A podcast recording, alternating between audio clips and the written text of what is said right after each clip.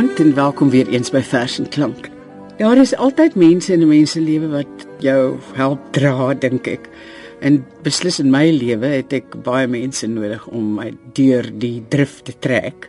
En een van die mense wat my uh, baie jare, baie jare al deur die drif trek is ene dokter Daniel Higu. Ja. Ja. Wat nou 60 word. Die 26ste word hy 60. 60. Ja. Die ander persoon wat my so deur die drif miskien nie trek nie, maar miskien stoot is ene professor Bernard Odendaal.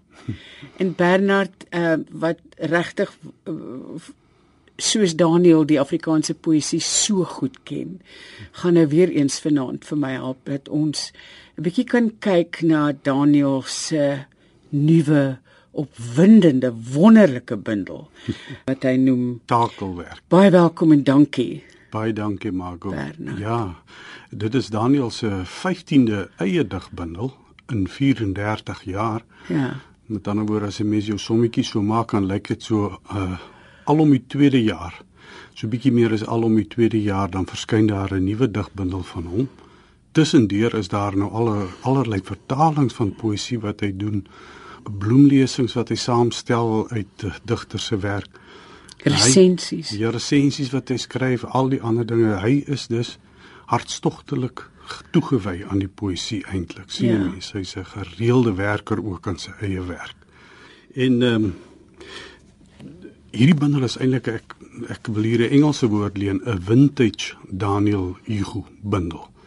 Want jy sien uh, baie van die die onderwerpe, die temas waaroor hy voorheen geskryf het, kry 'n mens terug uh die die uh, styl en vormlike aspekte wat jy uh, nou al leer ken het uit sy werk kry jy ook weer terug. Maar soos jy gesê het uh op 'n wyse wat heerlik is en wat 'n mens vermaak en boei. En so onpretensieus. Ja, So presies. op die man af. Ja, um, hy hy maak 'n mens uh, be- uh, bewus daarvan dat jy met poësie besig is. Jy weet onder andere want een van die temas waaroor hy baie skryf is juis uh, uh die poësie self, besinnings oor digterskap, oor die ontstaan van poësie. Baie keer uh giet hy uh, hierdie besinnings in die vorm van huldigings, baie keer ook draakstekery mm. met van die bekende figure uit die Afrikaanse uh, letterkunde wêreld, maar ook met sekere jy weet verskynsels wat daarin voorkom en nie die minste van hulle almal nie. Steek hy dikwels die draak met homself ook en dit is 'n uh, dit is 'n baie innemende eienskap ek dink van sy werk. Daardie dat uh, die uh, roede wat hy inlê spaar hy ook nie vir homself nie. Absoluut, en dan met ja. hierdie heerlike humorsin uh, van hom wat uh, soms 'n bietjie sardonies is maar altyd vermaaklik Van waar die titel Takelwerk? Uh takelwerk, ehm um, so 'n bietjie later in die program gaan ons praat oor 'n reeks daar teen die einde van die bundel Stellenberg se eik en daarin kom 'n hele paar keer die woord uh takelwerk uh na vore. Maar dan gaan dit hier eintlik oor die takelwerk van die eikeboom in die uh, erf wat hulle bewoon en dan wat hom laat dink aan 'n skip. Nou ja, ek sal bietjie praat oor wat dit alles bietjie later oor wat dit alles by my oproep daai bundeltitel. Ek sien die eerste vers wat jy uh, gekies het is 'n kwatryn, een van sy gunsteling forme, is dit nie? Ja, ja, ja, net so eh, jy weet goed, nee, net so 'n jaar gelede het hy die uh 'n stuk of 50 van die kwatryne uit die Rubaiyat van Omar Khayyam, 'n glorieryke vertaling mys insiens as jy die ander 5 of 6 vertalings wat reeds in Afrikaans bestaan vergelyk met syne dan mint syne regtig uit. Ja nee, 'n kwatryn, die sonnet, die uh die haiku, hy's lief vir daai vaste forme. Dit is kort maar intense kyke op bepaalde dinge in die lewe en hierdie forme uh jy weet as dit ware gee, gee vir hom die spierkrag om hierdie goed te konsentreer. Die langer verse is nie heeltemal vreemd aan sy werk nie, maar dan is hulle heel dikwels ook weer verdeel in in kwatryn en strofes, ja. Ja, ja. Met die deeglike dissipline van die eindryme en al daai ander dinge daarbey. Ja. Ja. Waarmee gaan ons begin? Ek dink daardie uh, kwatryn waarvan jy gepraat het, want uh, dit gaan juis oor die ontstaan van 'n gedig. Gelok deur die glinster in my oog, kom draai 'n muggie voor my gesig. 'n Dwaalende klein gedagte wat die oase soek van 'n gedig. Dikwels met uh, hierdie uh, digterskap tema gekoppel is 'n ander belangrike onderwerp, naamlik spesifiek taal en dan spesifiek Afrikaans uh, en die stand van Afrikaans. In hierdie bundel van hom is hy uh, helaas nie te optimisties oor hoe dit gaan met Afrikaans nie. Mense hoor dit byvoorbeeld in die gedig literatuurgeskiedenis. En uh, dis 'n baie interessante gedig want dit uh, behalwe dat dit oor Afrikaans gaan, gaan dit ook oor 'n uh, baie bekende Afrikaanse literatuurhistorikus, J.C. Kannemeyer. En dis ook 'n huldiging van Kannemeyer, hoewel dit uh, ook 'n bietjie 'n dubbelslagtige huldiging is, soos 'n mens sal hoor uit die gedig. In 'n tweedehandse boekwinkel as liefdadigheidsorganisasie bedryf deur die kerk, ontdek ek Uyskriege se eerste digbundel uit 1935 opgedra aan ene Gideon Uys en geteken deur die blonde digter Troubadour. Ek vermoed die boek kom uit John Kannemeyer se verstrooide nalatenskap en koop dit as bewys van my liefdadigheid teenoor 'n ongeliefde man, my eerste mentor, my vriend en vyand. Hy was los van tong maar nooit nalatig met sy biblioteek nie. Rye gealfabetiseerde soeye. Hierdie boek breek my hart. John was die grootste van 'n Gideons bende, bewakers van die gedrukte woord. Nou uitgedun tot snuffelaars tussen stowwerige rakke, skamelversamelaars van 'n taal se ellende.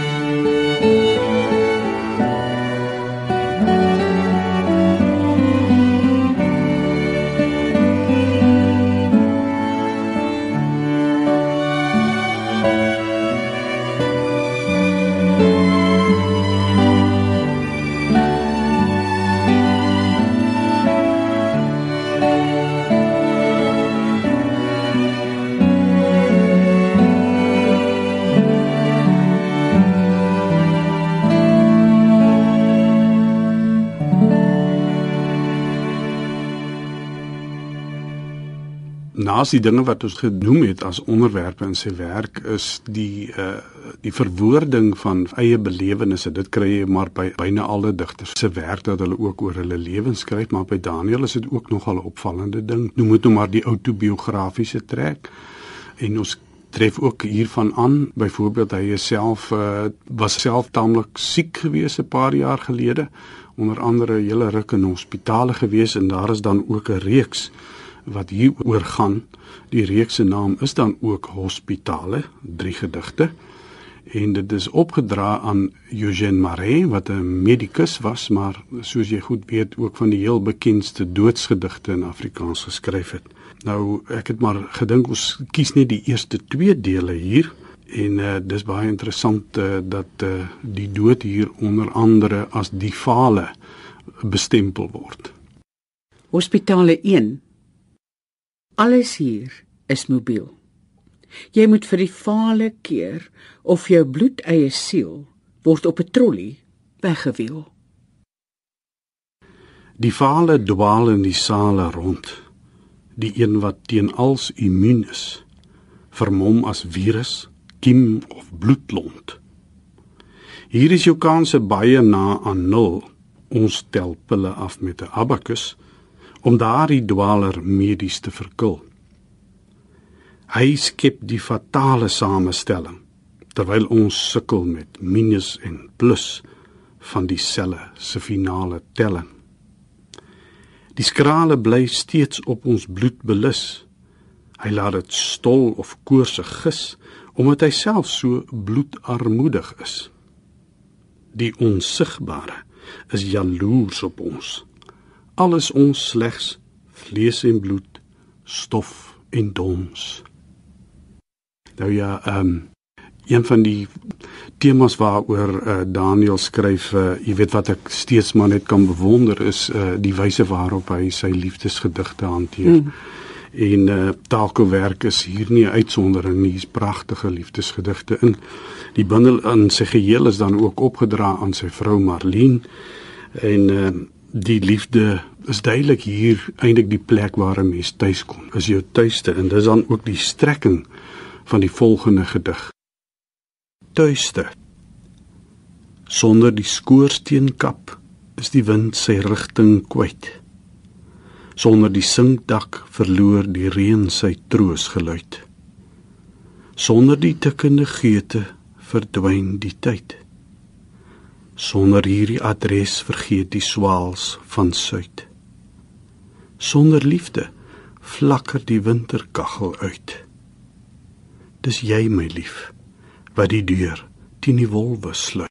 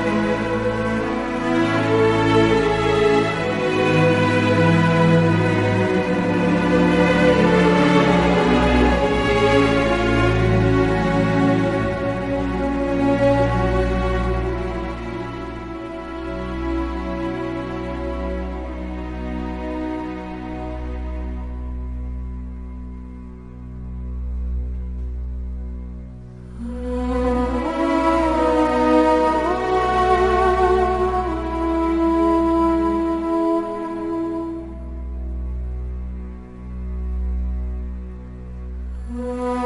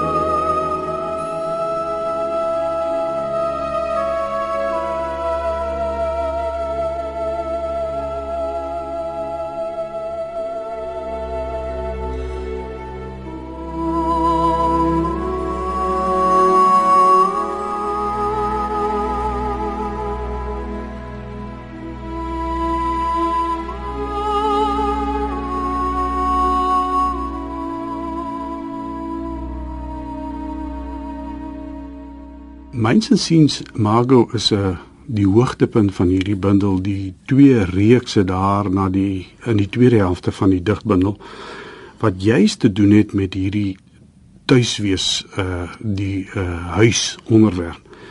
En dit gaan hier oor die twee huise wat uh Daniel en Marlene bewoon. Die een daar in uh Prins Albert in die Groot Karoo en dan die ander die huis wat hulle het naby Durban wil hier in die Kaap.